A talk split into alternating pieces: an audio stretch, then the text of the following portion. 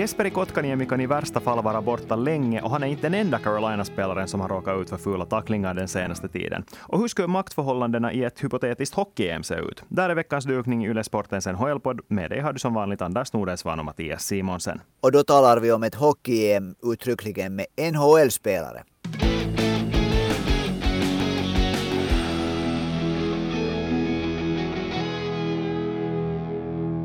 Ja, vi tar och börjar direkt med Jesperi Kotkaniemi som alltså tacklades fult i matchen som Carolina spelade mot Washington Capitals. Tacklades av Lars Eller i matchens sista sekunder, en match som Carolina höll på att vinna 6-1.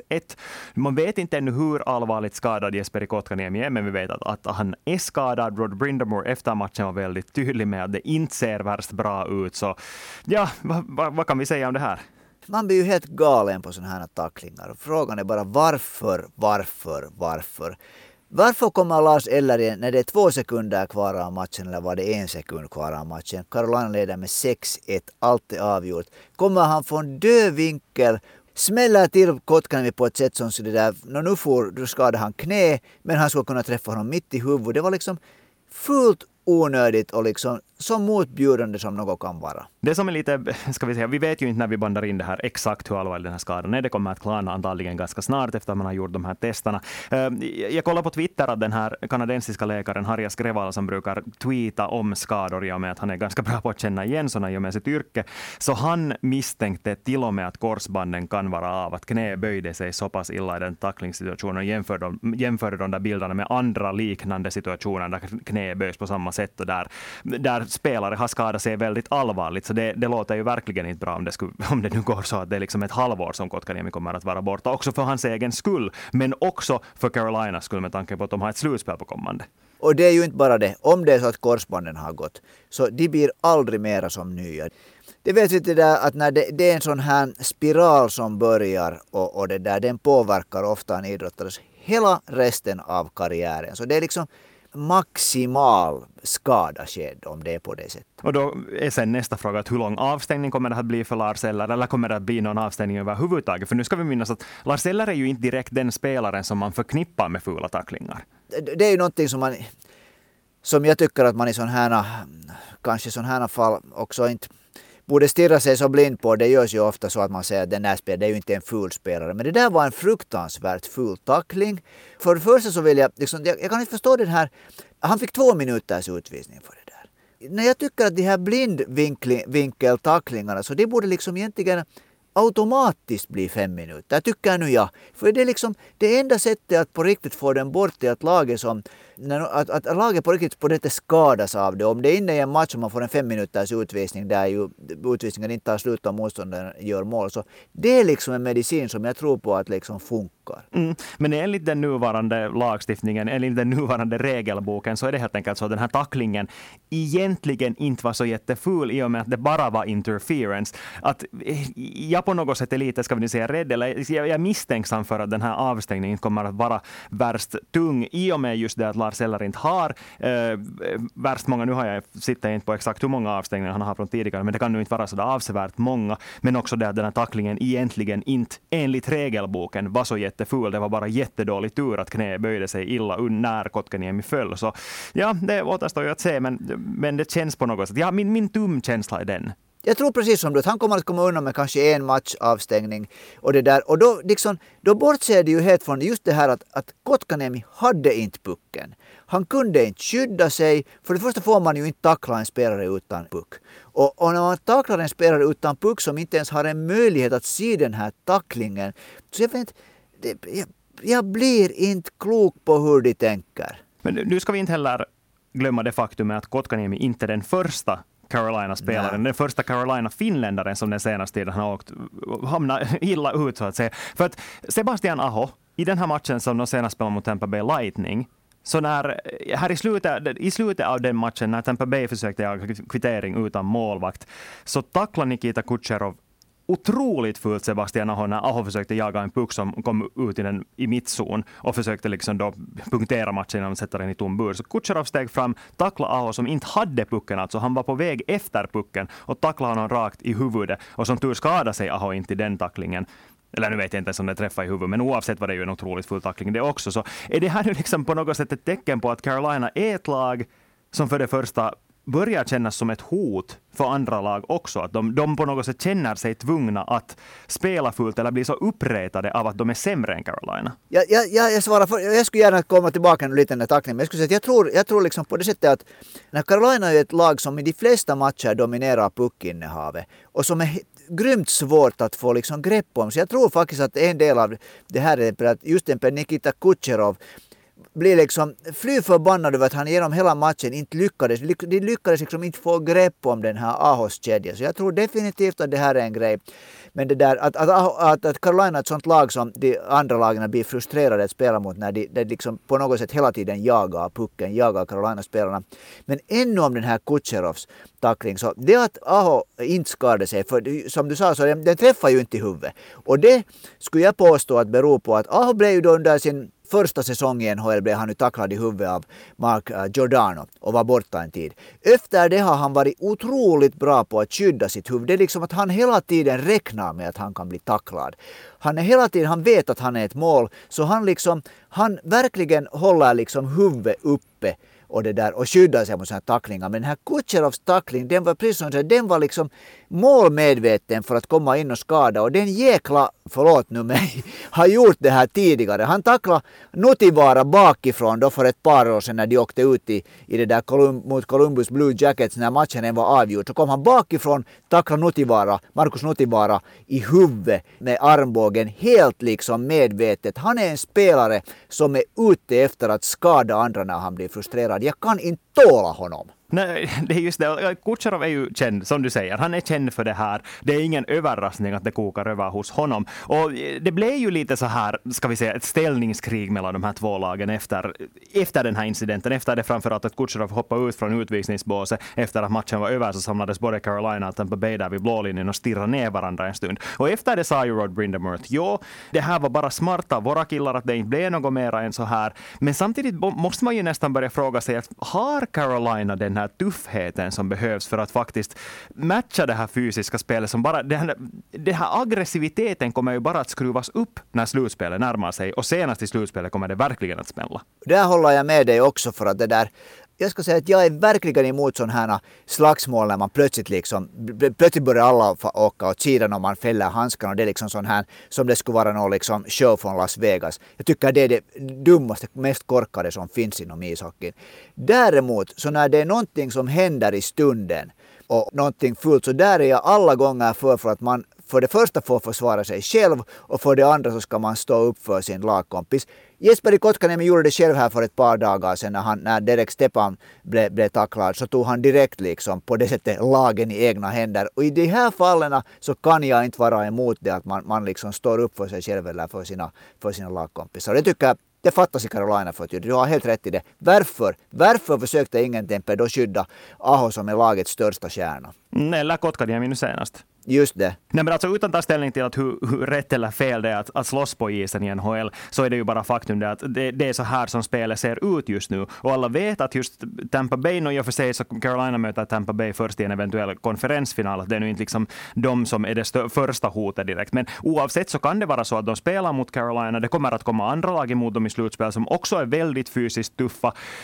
Så jag bara vet inte, på något sätt känns det som att de här matcherna har blottat en svaghet som man kanske inte ens riktigt fattar att fanns där. För Carolina är ju ändå ett, ett lag som kan spela fysiskt, men tydligen mm. har de inte det där, liksom, det där lilla sista, det där grova sandpappret som du kanske skulle kalla det. Att, att på något sätt vet jag, jag vet inte, jag har en lite dålig känsla inför slutspelet för deras del nu. Men de har ändå spelare, backar som är både stora och starka och också liksom ganska vid behov tuffa. Till exempel Ian Cole är en sån back. Och de har några andra också. Så jag tycker nog att det, det finns, det finns sådana spelare där Jordan Stahl kan vara är, är liksom en fysisk spelare vid behov. Och jag vill också säga att jag är liksom inte för slagsmål i sig själv. Men jag tycker liksom att man måste få skydda sig och man måste få skydda sina lagkompisar mot sådana här svinaktigheter. Men om vi då nästan i det här fallet dessvärre måste räkna med att Kotkaniemi kommer att missa åtminstone en del av den återstående säsongen, i värsta fall också hela slutspelet.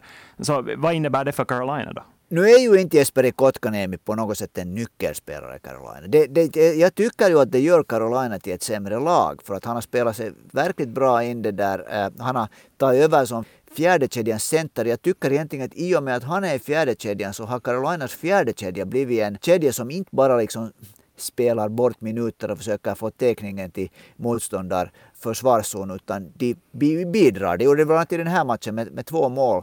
Och nu kom, verkar det just som Max Domi som tidigare spelade också med Kotkaniemi, de har en gemensam historia i Montreal. Han kom in i den kedjan, det verkar som han skulle passa ganska bra ihop med Östberg Kotkaniemi. Så visst gör det ju Carolina sämre, men inte på det sättet att Carolina liksom skulle tappa några chanser, tycker jag åtminstone, att nå framgång tack vare att om nu Jesper Kotkaniemi är borta resten av säsongen, vilket han hopp, förhoppningsvis inte. Mm, vi håller tummarna och jo, jag håller liksom med dig på det sättet, men, men det är ändå när man tappar en spelare som ger bredd åt dig i laget inför slutspelet, i ett slutspel där den östra konferensen ser ut att vara så otroligt jämn och hålla så otroligt hög nivå. Så nu kan det liksom ändå vara att sen när du inte kan lita på att din fjärde kedja också kan göra mål, så kan det vara att det är tungan på vågen i en jämn matchserie. Det stämmer, men de har spelare som man, kan det där, den, den kedjan, den fjärde kedjan till exempel, man tänker att den, och den skulle byggas om så det skulle vara Max Domi, Derek Stepan och Steven Lorenz. Så, så det där, äh, den är ju inte åtminstone på pappret så kan man inte säga att den av, är avsevärt mycket sämre än om Jesper i Kotkaniemi skulle vara där.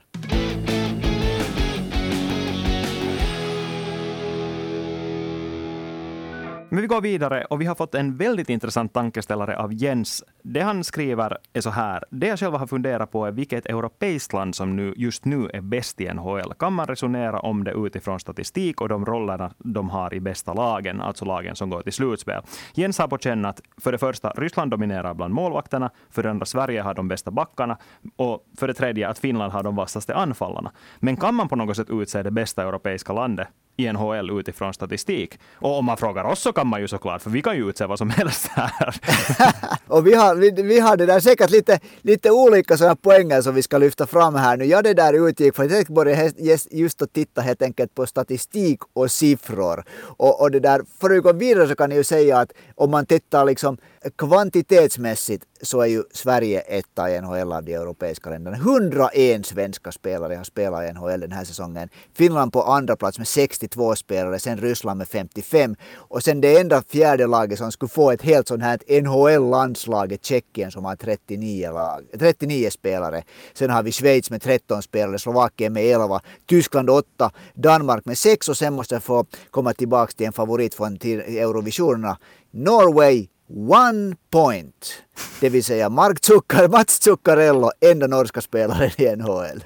Jo, men jag tycker att vi kan liksom lite spinna på det här och utgå från att, att vi spekulerar kring vem som skulle vinna ett hypotetiskt hockey-EM som skulle arrangeras nu på sommaren. Och om vi då börjar med de här, för det första de här power-rankingarna som, som Jens har lyft fram här och börjar med målvakterna, så är det så att Ryssland har de bästa målvakterna? För det känns ju som att det självklara svaret är ja. No, så är det. Om man skulle ta, om man skulle ta ett lag som man tänker att vi skulle ha 12, 12 forwardar, sex backar och två målvakter, så skulle Rysslands målvaktsduo vara Igor Sjostorkin och Andrei Vasilevski. Och då skulle ju nödvändigtvis inte Sjostorkin som för tillfället är kanske hetaste kandidaten att vinna Hart Trophy vara en Rysslands första målvakt. Nej, exakt. Det är det som känns så galet. Och det finns inte egentligen... Jo, Sverige har bra målvakter också. Jo, Finland har Jose Saros och Ville Husso som har spelat bra nu, men inte, inte kan man ens nämna dem i samma diskussion just nu.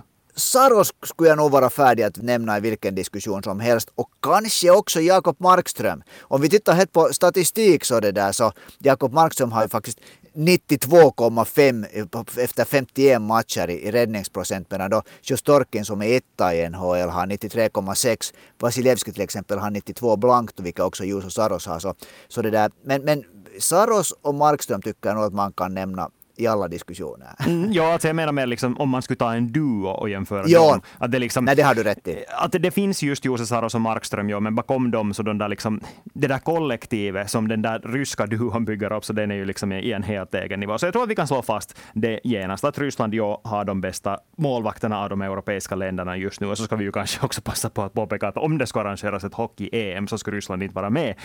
Vi nu följer... Om det inte ska arrangeras i, i det där Nordamerika med NHL-spelare, för ryska spelarna får ju spela vidare helt glatt i NHL. Nej, det är ju exakt det. Och I och med att de får spela vidare där så måste vi inkludera dem i den här diskussionen också. Men om vi går vidare till backarna då? Där är det ju helt klart att, att där har vi det där är ju Sverige etta. Jag, jag, tog, när jag, tog, jag tog sådana här lag ut där, som, då, som sagt tog, jag tog 12 forwardar, jag tog sex backar och det där gjorde inte så att jag liksom egentligen inte någon kvalitetsmässigt. Jag tog helt enkelt de som har gjort mest poäng på det sättet. Mm, det var det som Jens på... ville också, att vi skulle utgå från statistiken. Ju, så jag tycker vi gör så. Ju, och när jag tittar på svenska backarna så Viktor Hedman är den back som har gjort mest poäng för Sverige för, för, för, av svenskarna i NHL. 63 poäng så här långt. Den sjätte är Oliver Kylington med 27 poäng. 241 poäng har de sex bästa svenska backarna stått för så här långt. Och det är mycket mera än näst bästa som är ryssarna som har 148 poäng, alltså nästan 100 poäng mindre. Och sen är Finland trea med 101 poäng. Det känns ju lite roligt att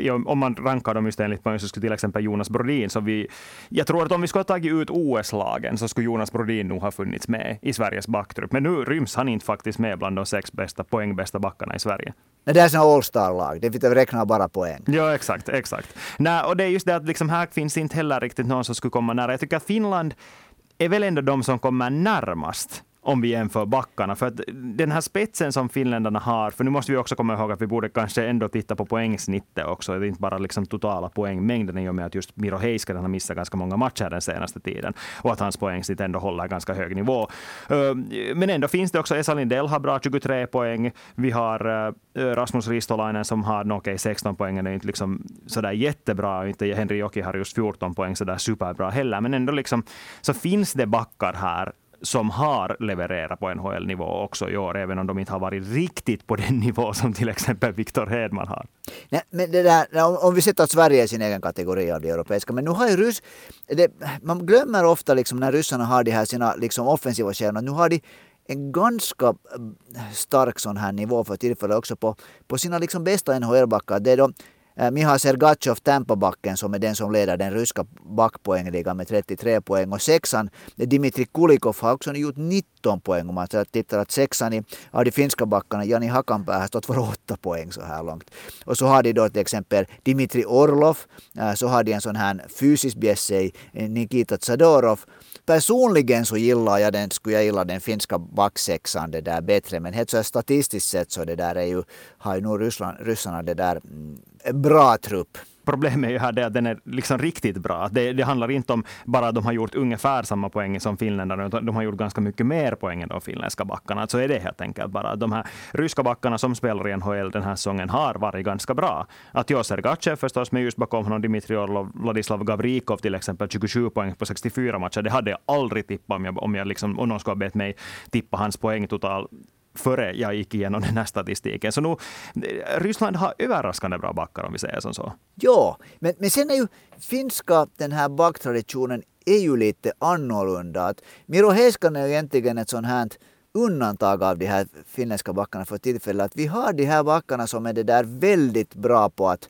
jobba liksom, vara, vara bra i defensivt spel. Och där är nog den där, måste jag säga att där tycker jag att den här finska backtruppen skulle vara till och med, kunna vara till och med överraskande stark. Överrask, eller kanske inte för oss överraskande, men vara verkligt svår att spela mot om man skulle ta ut typ sex bästa finländska backarna. Men vi kan åtminstone trösta oss med att, att på pappret är vi också bättre än, eller vi, Finlands backar bättre än Tjeckiens backar, där den sjätte backen skulle vara Mikael Kempni som har två poäng den här säsongen. Så, eh, tredje bäst på pappret, om, om vi slår fast det som en sanning när det kommer till backarna. Men, så, ja, så är praktiken skulle kunna vara annan. Men anfallarna då? Här var Jens hypotes att Finland har de vassaste anfallarna och det är nog någonting som går att debattera. Det är ju just det. Det skulle man ju gärna göra. Man skulle gärna också säga till och med den här spetsen finns, liksom vi har de här topparna. Men så 17 heller. Där har vi, om vi tar, om jag, så som jag räknar igen, jag tog de 12 mest det där producerande det där anfallarna från, från det där, alla de här länderna. Och där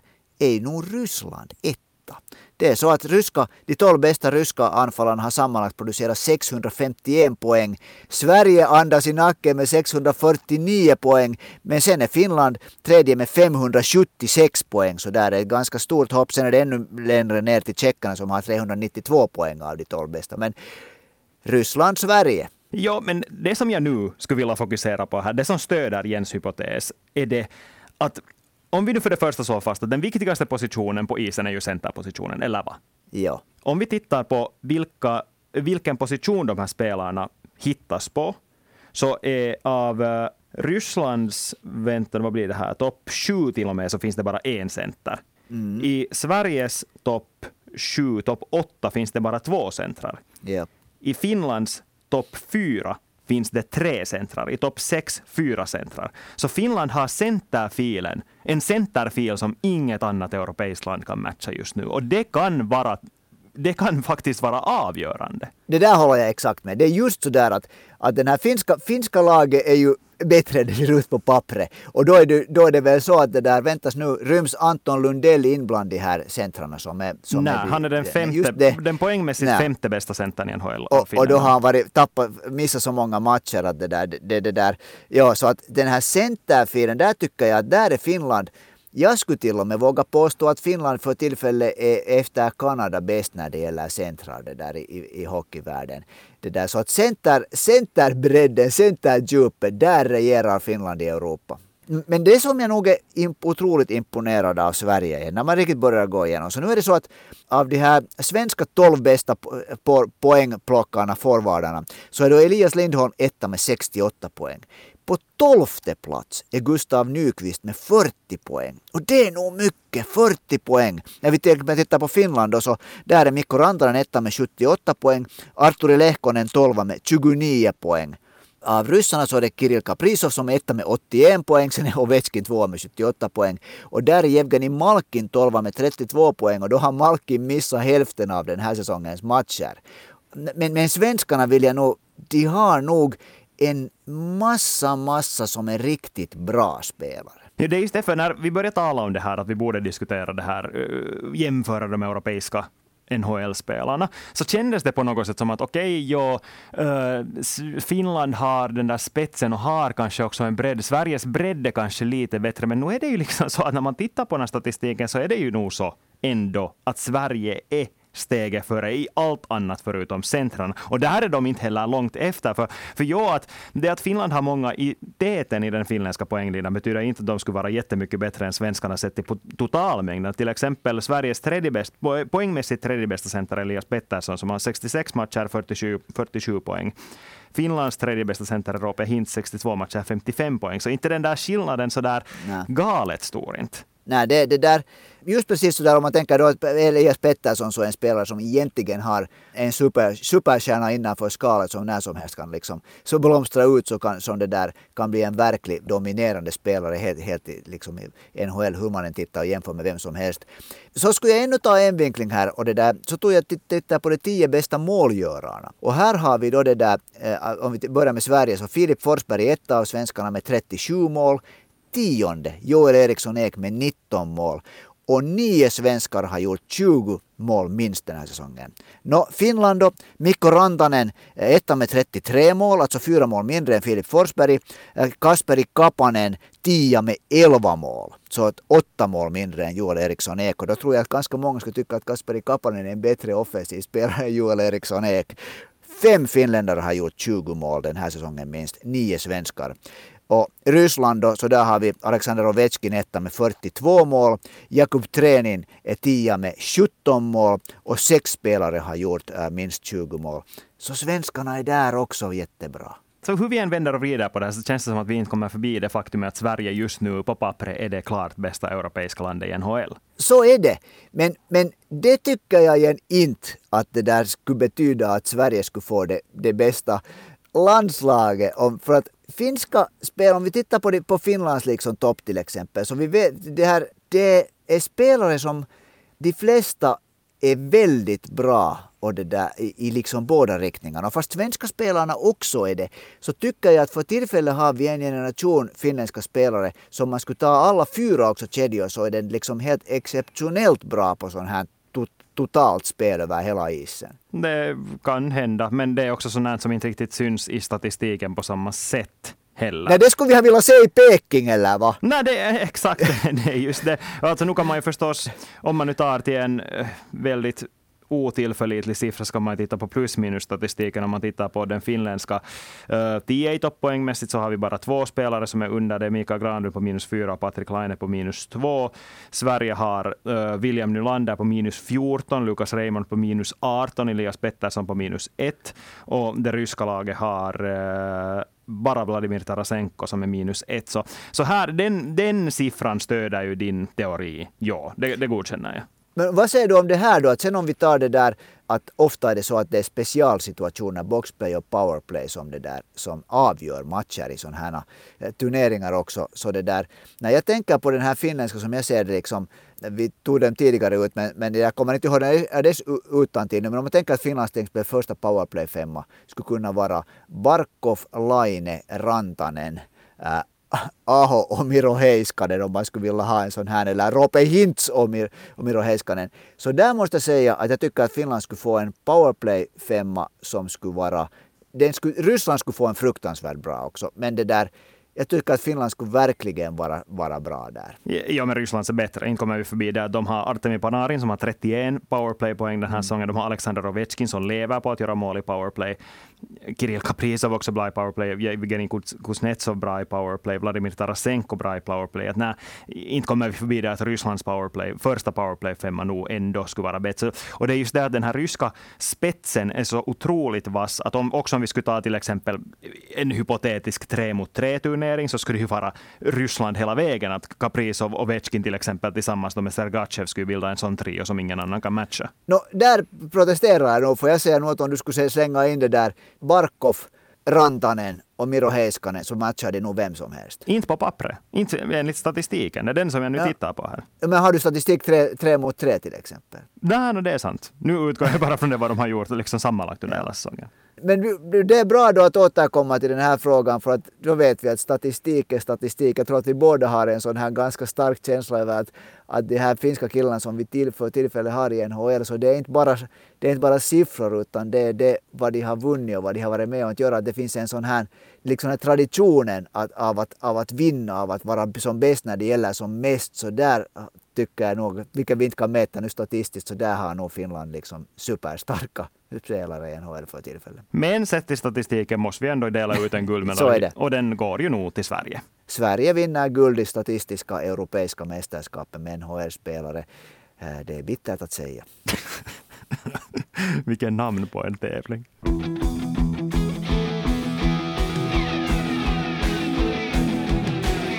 Vi går vidare till andra frågor och passar direkt på att påminna er om att om du har en fråga så är det bara att skicka in den på Ylesportens Instagramkonto eller på mejl till svenskasporten.yle.fi. Sami undrar hur det ser ut på den eh, finländska skadefronten, exempelvis Kaapo Kakko. Han har ju varit borta länge och jag kollade upp här att eh, förväntningen just nu i New York är åtminstone det att han skulle vara tillbaka i början av april, vad det nu sen än betyder. Men vi hoppas ju förstås att han är tillbaka så snabbt som bara möjligt. Sen har vi Kristoffer som är en intressant fråga. Han undrar vilka signaler ger först anskaffningen av och sen trade traden av Marc-André Fleury åt Kevin Lankinen. Och det, eh, det är ju svårtolkat, för om man skulle vara Kevin Lankinen så har man kanske lite svårt att tolka det där att okej, okay, man gör en bra säsong som första målvakt, sen får de ändå in Marc-André Fleury, sen tradar de bort honom, nu är man första målvakt igen. Det där med att Marc-André Fleury flyttade till Chicago då, så det var på något sätt tycker jag den där, den här, den där typiska att när Marc-André Fleury fanns möjlig att ta så ville Chicago ha honom. Det har ju helt, Chicago har ju fullständigt förändrats efter det. Är ju andra, det är ju andra människor som gör beslut besluten nu i Chicago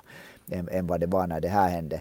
Då så var det ju faktiskt så att före säsongen så snackade man ju om att det där att i och med att Seth Jones kom till Chicago, Jonathan Taves är tillbaka, Patrick Kane var där, så var det nog en helt liksom tydligen uppriktig tro på att när Marc-André Fleury kommer dit så blir också Chicago ett lag som plötsligt tävlar på riktigt allvar om att gå långt i, i det där i, i, slutspelet till och med den här säsongen. Och då kan man kanske då, om man skulle vara Kevin Landgren, tolka det som att okej, okay, då räcker jag inte till. Att då är det så att det var den här nya målvakten som på något sätt fick oss att göra den här satsningen. Och att, jag, jag vet inte, men annars är det kanske lite svårt att åka till och med att det är så mycket som inte har med honom att göra. För just det där att Marc-André Fleury kom dit handlar väl ändå i första hand om att Vegas Golden Knights ville bli av med honom. Sen har säsongen gått fullständigt åt skogen. Det är nu inte heller bara Kevin Lankinens fel. Och sen skickar man bort honom just därför för att man visste att man kommer inte gå till slutspel. Man får någonting i utbyte för honom som egentligen är helt gratis i och med att han inte blir av med någonting annat än Mikael Hakkarainen som inte någonsin antagligen ska bli en NHL-spelare. Eller, no, han får ju gärna bevisa att jag har fel, men ändå.